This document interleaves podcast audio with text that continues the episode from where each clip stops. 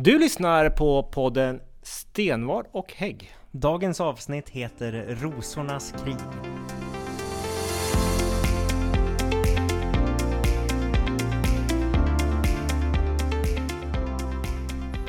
Välkommen till vårt första avsnitt efter eh, sommarledigheten. Ja, Ja, nu är tillbaks igen. Nu är det match. tillbaka Ja. och vi eh, rivstartar. Jag tror men riktigt- vi har fullknökat schema nu när man tittar i kalendern. Ja. Eh, Det vart ingen att man så här tickar igång. utan Men du har haft ledigt i alla fall på sommaren? Jag har varit ledigt och haft det jätteskönt och det har varit grymt väder hela sommaren. Ja, det har varit fint väder. Ja, Ja. varmt och skönt. Vad har du gjort då? Eh, jag har i stort sett bara varit hemma, vilket har varit faktiskt eh, riktigt skönt. Var Jag det tror dina jag- domäner? Hemma i mina domäner uppe i Söderhamn. Jag tror jag kan räkna på mina fingrar de gånger jag liksom har rört mig utanför kommungränsen. Och det har varit två vändor till Stockholm och eh, en veva upp till lite släktingar i Övik. Ja, hemester på riktigt. Hemester på riktigt. Ja. Ja, jag har varit i, hos eh, släktingar och sånt i Göteborg och i Nora utanför Örebro har vi varit och haft skönt sådär och semestrat. Sen också hemma en del då Mm. har man varit. Så att, det vart inga riktiga turer eh, norrut som jag hade tänkt faktiskt. För det var ju, det var ju svårt att hitta boenden. Mm.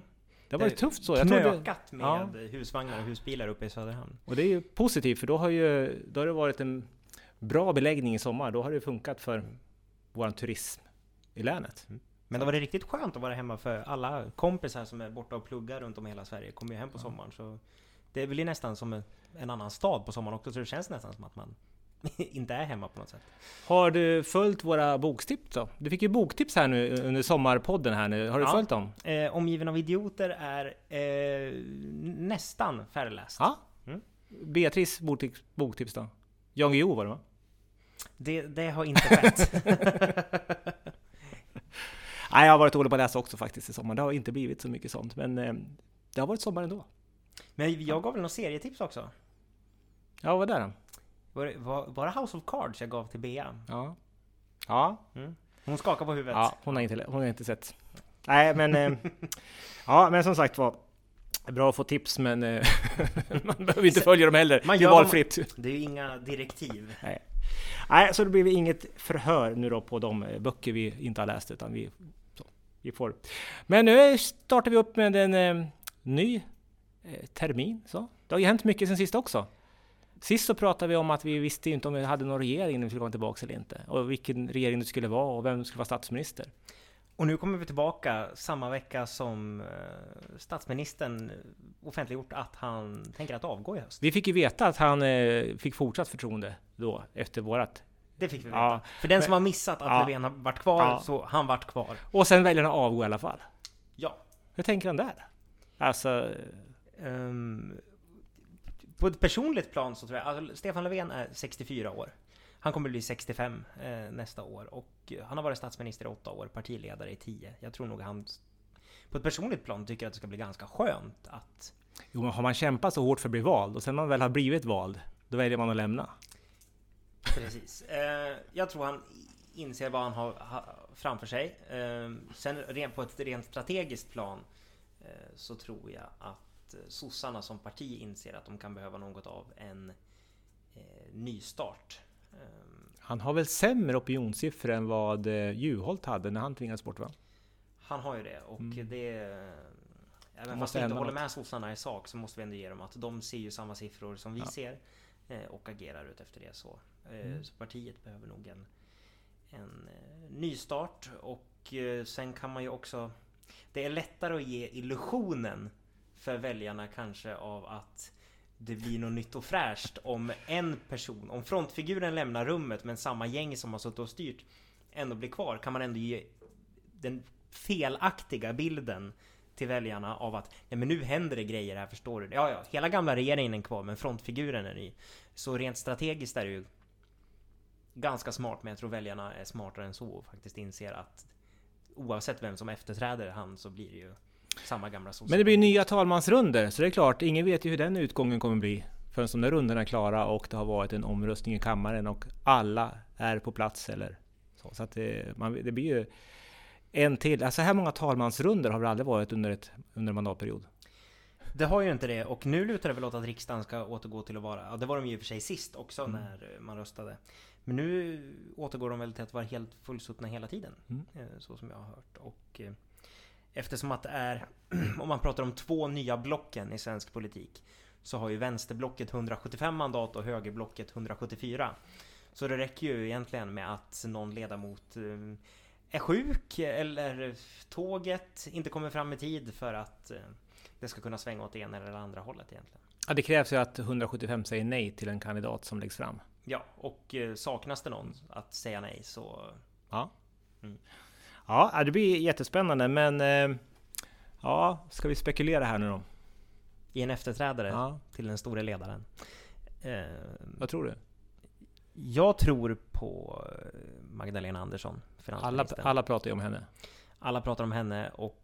eh, De måste få fram en kvinna. Det hör man ju också ganska tydligt. Ja, alltså sossarna, det ser man ju liksom om man tittar på deras valsedlar runt om i landet så är de ju väldigt noga med att det måste vara man, kvinna, man, kvinna, man, kvinna. Ehm, frågan är hur pass mycket det främjar jämställdheten eh, egentligen. Men eh, de vill nog ha en kvinna eh, och bortsett från kön så är väl nog hon kanske den mest hon är väl den person som är mest lämpad att faktiskt ta över eh, och leda Socialdemokraterna. Rent objektivt skulle nog i alla fall jag säga. Men vem skulle du vilja bli istället? Eh, ja, jag tror hon är svårare och jag tror att det finns de som är lättare.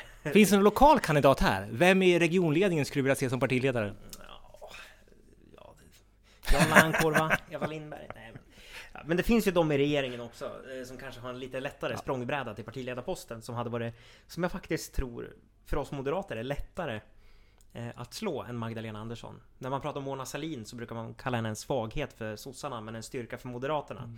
Eh, jag tror Magdalena Andersson kanske inte är en sån styrka för moderaterna. Vi får se helt enkelt hur de landar in och det är ju skönt att vi inte behöver lägga oss i det valet utan det får de sköta själv och rosornas krig får väl kämpa vidare. För vi vet ju också att det finns ju många grupperingar. Facken ska säga sitt och det är mycket processer runt omkring som SSU pågår. ska säga Ja, sitt. Det där blir ju spännande att se. Men, ja. men har de påverkan för oss här? Vem som är statsminister? Eller vem som är oppositionsledare efter valet säger vi då. Eh, det har det nog. Alltså jag menar en partiledare i sossarna eh, sätter ju sin liksom prägel på partiet, på politiken och den som tar över nu efter Löfven, om den överlever en talmansrunda kommer den ju vara statsminister i tio månader förhoppningsvis innan Ulf Kristersson blir statsminister. Men det är klart att en statsminister har prägel på politiken i hela landet. Den kommer sippra ner kanske en helt ny internkultur inom sossarna som kommer påverka hur sossarna som faktiskt styr här eh, agerar och tänker och... Ledarskapet kommer ju alltid uppifrån och sipprar ner i organisationen. Så klart Ja. att, eh, och det märker vi ganska tydligt. Den nationella retoriken slår igenom väldigt hårt det regionala. Ja. Vi hör ju direkt när det har kommit ut. Och det tror jag inte bara är något som eh, som är sanning för socialdemokrater utan det tycker jag man märker på alla partier att liksom hur en ledare leder partiet och hur man pratar om politik liksom tenderar att sippra ner ganska snabbt i, inom respektive partiorganisation. Ja, men om vi nu då får sätta, eh, slå lite vad då. Ska vi, vågar du sätta någonting på Magdalena som... Hon är ju en riktig lågoddsare. Men om du får bortse från henne, vem skulle du sätta Bort- pengar på då? Eh, då skulle jag nog eh, sätta mina pengar på Micke Damberg. Jag, skulle, jag, tror så här, jag tror Magdalena Andersson har lättare att vinna en partiledarstrid i sossarna. Eh, dock så tror jag Micke Damberg vill vara partiledare för sossarna mer än vad Magdalena Andersson vill. Mm. Ja, hon kan ju säga nej också. Så kan det vara. Så kan det vara. Hon kan, hon kan ju vara nöjd där hon är idag. Och våran eh, egna minister då? Ja, eller Hallengren? Sjukvårdsministern eller socialministern? Socialminister. ehm, jag tror hon kom ju med ett besked tidigare år här att hon har eh, bröstcancer och genomgår eh, Behandling behandling för Mm. det. Och det är ju tufft på ett personligt plan för henne. Eh, skull, känner hon att hon har orken att eh, ta över och leda så tror jag nog att hon skulle kunna eh, vara en tänkbar, en stark kandidat så. Men frågan är om hon mäktar med för det är ju nog jobbigt att, för vissa att vara politiker och leda på lokal och regional nivå. Eh, nationell nivå är ju betydligt, betydligt tuffare och kämpigare. Så vi är överens om Magdalena är eh, favoriten, eh, alltså som, ja. som har störst störst chans. Absolut ingen favorit Nej, som nej. politiker. Och nummer två har du Damberg och då sätter jag på Hallengren då, så har vi lite någonting att tampas om. Får vi se sen vad utfallet blir. De har väl kongress i november. 3 november Mm. tror jag. Men det pågår ju många nominerings och kandidaturprocesser runt om i hela landet, både på kommunal och regional och på nationell nivå. Vi kan ju se i våra sociala medieflöden på alla våra vänner att nu kandiderar den ena den andra för, att, för en fortsatt mandatperiod, eller vissa väljer att inte kandidera för man vill lämna och så. Eh, vi har ju också en process internt här. Mm. Nu kan du avslöja, kandiderar du till regionen som Ja, ja, att stå på listan? Jag fortsätter gärna och anledningen att jag vill fortsätta är på grund av att Moderaterna aldrig har styrt regionen. Så man vill ju vara med och ta över makten och faktiskt få sätta en moderat prägel på politiken i Region Gävleborg. Vi har chans nu. Vi har chans nu. Kandiderar du om? Absolut. Absolut. Jag kör gärna eh, en mandatperiod till. Eh, Jag tycker inte att jag är klar än och finns fortfarande mycket kvar att göra. Och som sagt var, eh, den här gången så ska vi se till att det blir ett, riktigt, ett maktskifte på riktigt. Mm. Det har ju ändrats lite grann i majoritetskonstellationerna kan vi säga, men det har ju inte varit något maktskifte. Socialdemokraterna har ju styrt den här regionen sedan allmänna rösträtten, så det är klart. Där har vi en utmaning och vi får se. Nu pågår ju ett internt vi kallar det för provval. Det innebär ju att våra medlemmar får rösta på vem de vill se på, på regionvalsedeln och på riksdagsvalsedeln. Det börjar ju egentligen... Eh, det finns ju en hel process för det här att som du och jag till exempel säger att vi kandiderar gärna vidare för en till mandatperiod i regionen.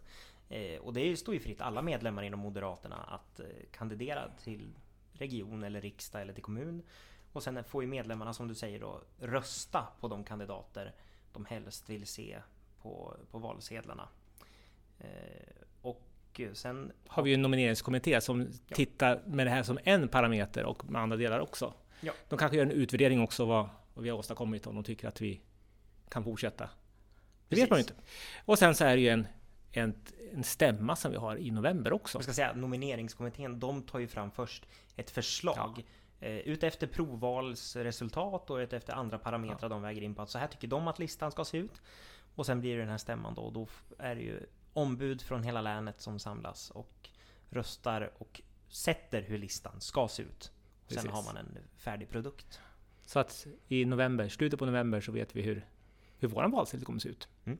Andra partier har lite andra processer, men många har ju på samma sätt att man Mm. låter medlemmarna få tycka till och sen så har man eh, någon form av årsmöte eller någonting som sen beslutar om själva. Så att det, det pågår många olika processer och eh, det blir spännande att se vilka de andra partierna också Mm. Mm.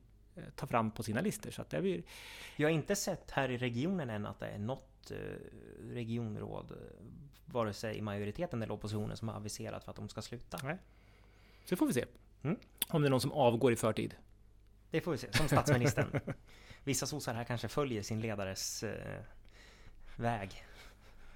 Men i- förhållande till det som händer här i svensk politik och våra processer här hemma så finns det något som kanske känns lite viktigare att prata om. Svensk politik kan kännas lite trivialt i förhållande till det och det är ju situationen i Afghanistan.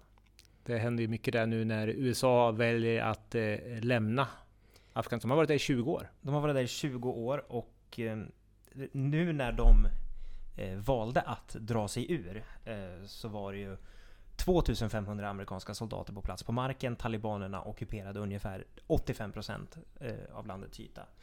Ehm, man drog sig ur, talibanerna tog snabbt över Kabul, huvudstaden som var liksom det sista som fanns kvar för dem att ockupera. Och nu har man ju från Joe Biden och USAs sida behövt flippfloppa och nu är det återigen 7000 amerikanska soldater på marken. Eh, Men de kommer ju också lämna de kommer ju också lämna. under augusti, september kanske. Mm. Tyvärr, känner jag.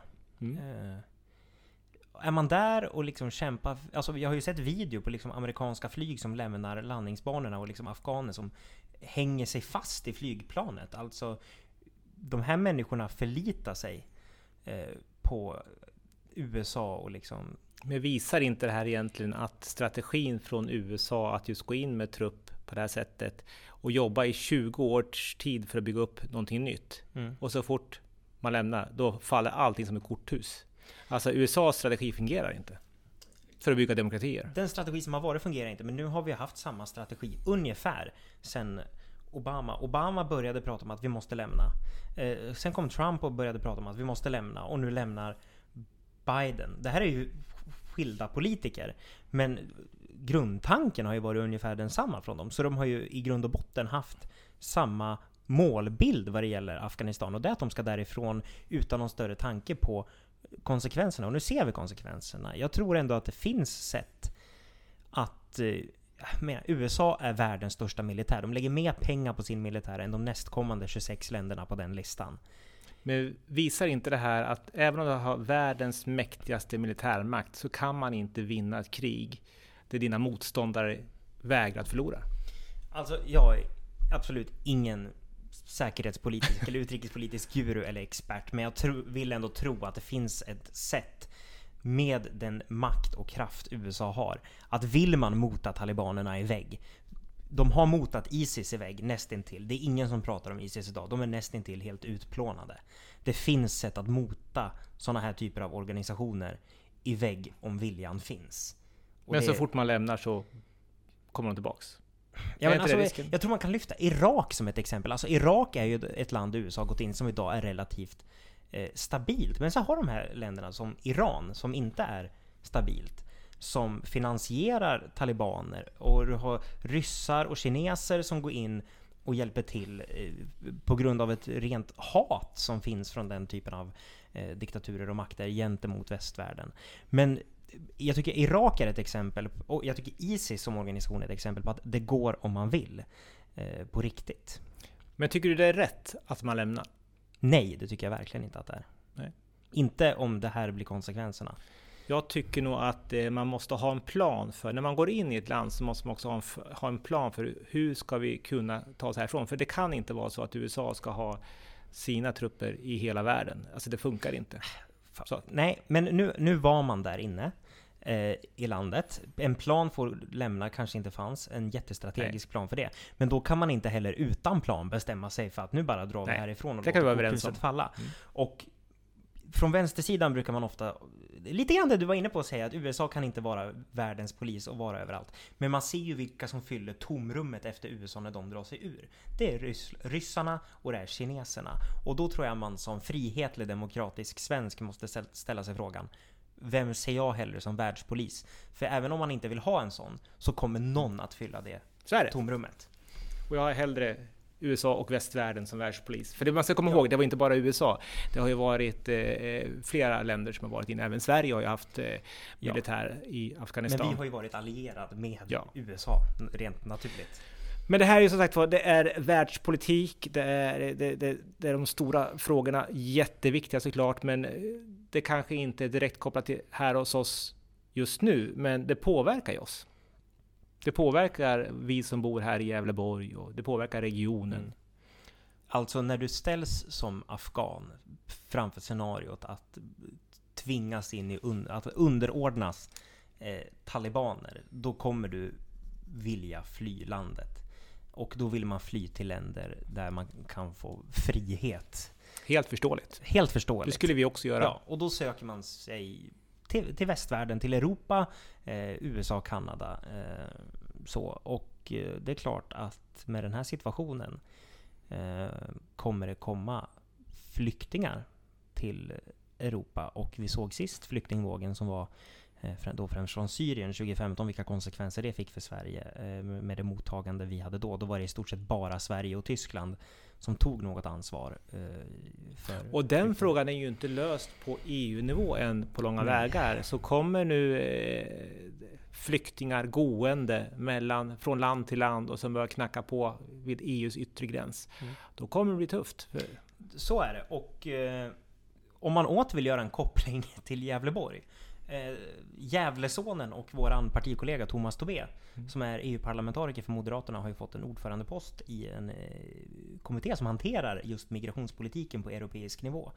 Och eh, även fast EU är en stor byråkratisk apparat där förändring tar tid så har jag enorm tilltro till Thomas som faktiskt har drivit på att EU behöver en gemensam strategi för det här. Och man måste jobba med att kunna hantera den yttre gränsen, alltså ner mot Medelhavet. Och man ska komma ihåg Ylva Johansson som är Socialdemokraterna, eh, hon är ju eh, kommissionär, mm. har ju också de här frågorna på sitt bord. Mm. Så hon och Thomas har ju tidigare jobbat bra ihop och eh, jag tror att de jobbar ganska bra med de här frågorna också. De jobbar väldigt bra ihop och jag minns när hon tillträdde att Thomas gratulerade. De verkar ha en väldigt bra mm. personkemi, en väldigt bra arbetsrelation till varandra och jag tror att de kan värna både europeiska och svenska intressen i det här och lyckas se till att man får en betydligt bättre fler, eller betydligt bättre situation i det avseendet att fler länder kan vara med och ta ansvar för de flyktingar som kommer att komma till eh, Europa.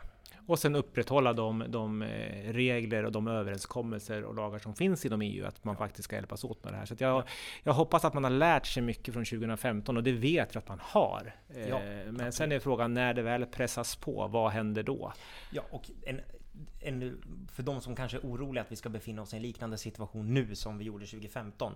Då fanns det inte en majoritet för att eh, hålla en restriktiv linje inom migrationspolitiken från Sver eh, för Sveriges del. I Sveriges, det fanns ingen majoritet för det i riksdagen. Idag finns det en sån eh, majoritet i riksdagen. Eh. Men vi kan väl tänka så här att trycket på, på antalet flyktingar som, som rör sig mot, mot Europa, mot väst, kommer öka markant i och med det som händer i Afghanistan. Ja, så. men det finns... Och det kommer påverka oss på ett eller annat sätt. På ett eller annat sätt, men för att lugna så finns det också idag en helt annan beredskap. Det finns en, och det finns helt andra, andra majoriteter som nu är för att hantera den här situationen mer restriktivt och försiktigt, men ändå kunna bejaka eh, mänskliga rättigheter i det här. För det är ju, i grund och botten är det människor det handlar om det här. Mänskliga rättigheter och internationella konventioner också. Ja, som, ja. Jag, jag, Genèvekonventionen, som, alltså det finns ju saker som gäller som vi måste förhålla oss till. Men det gäller ju också att alla länder tar, tar sitt ansvar. Så jag tror att det, det finns mycket att göra där. Men eh, det, det, vi hoppas att man reder ut det här på ett bra sätt. För som sagt flyktingströmmarna kommer att komma.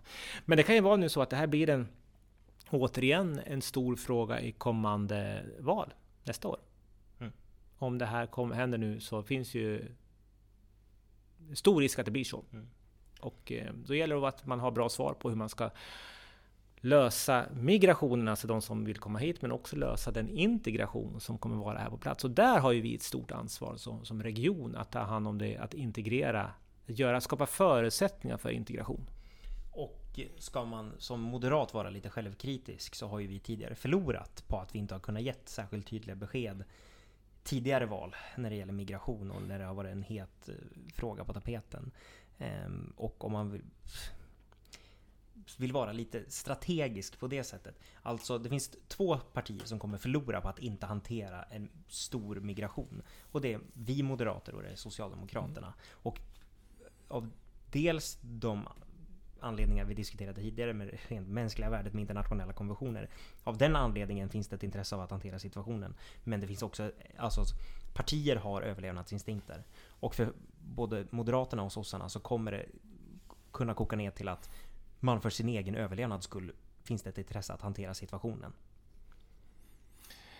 Eh, Två allvarliga ämnen, ett kanske av mer eh, global internationell karaktär. Afghanistan har vi pratat om, vi har pratat om det som händer på regeringsnivå. Det händer hela, hela tiden nya saker. Eh, från en dag till en annan vet man inte vad som händer. Eh, ena dagen så avsätts en statsminister och nästa dag så avgår en självmant. Eh, det blir mycket som kommer hända under hösten. Det kommer en jättespännande höst. Och så har vi hela pandemin som vi nu måste också eh, på något sätt hoppas vi är i slutfasen nu med vaccinationer, att det, det kommer att kunna återgå till någon form av normal situation. Ja, och det, du och jag är fullvaccinerad båda två. Bea är fullvaccinerad. Eh, hon nickar med huvudet. Eh, och det finns ju också idag inte heller, alltså oklart hur majoritetsförhållandena ser ut, men de flesta svenska partier vill ju inte ha någon pandemi, pandemilag mer som reglerar människors fri och rättigheter in i minsta detalj och liksom och då är det tur börja öppna upp. Och det har öppnats upp. Och då är det tur att vi tillhör Frihetspartiet nummer ett. Ja. Som värnar varje individs frihet. Ja, men det här är som sagt var någonting som vi får följa upp under hösten. Och vi kommer ju fortsätta med våra poddavsnitt under hösten också. Ja. Så att eh, vi kommer nog återkomma både till statsministeromröstningar, pandemi och eh, diverse annat. Mm. Och har man eh, tankar och, det, och funderingar och frågor som man vill skicka in så kan man göra det till oss. Ja. Hur gör man det? Vi finns på Facebook, Moderaterna i Gävleborg och på Instagram, Stenvard och Hagg. Precis, så skicka in eh, era funderingar eh, om aktuella frågor som vi kan lyfta upp och eh, diskutera och kanske komma med en och annan lösning på också. Vaccinera er så syns vi i september.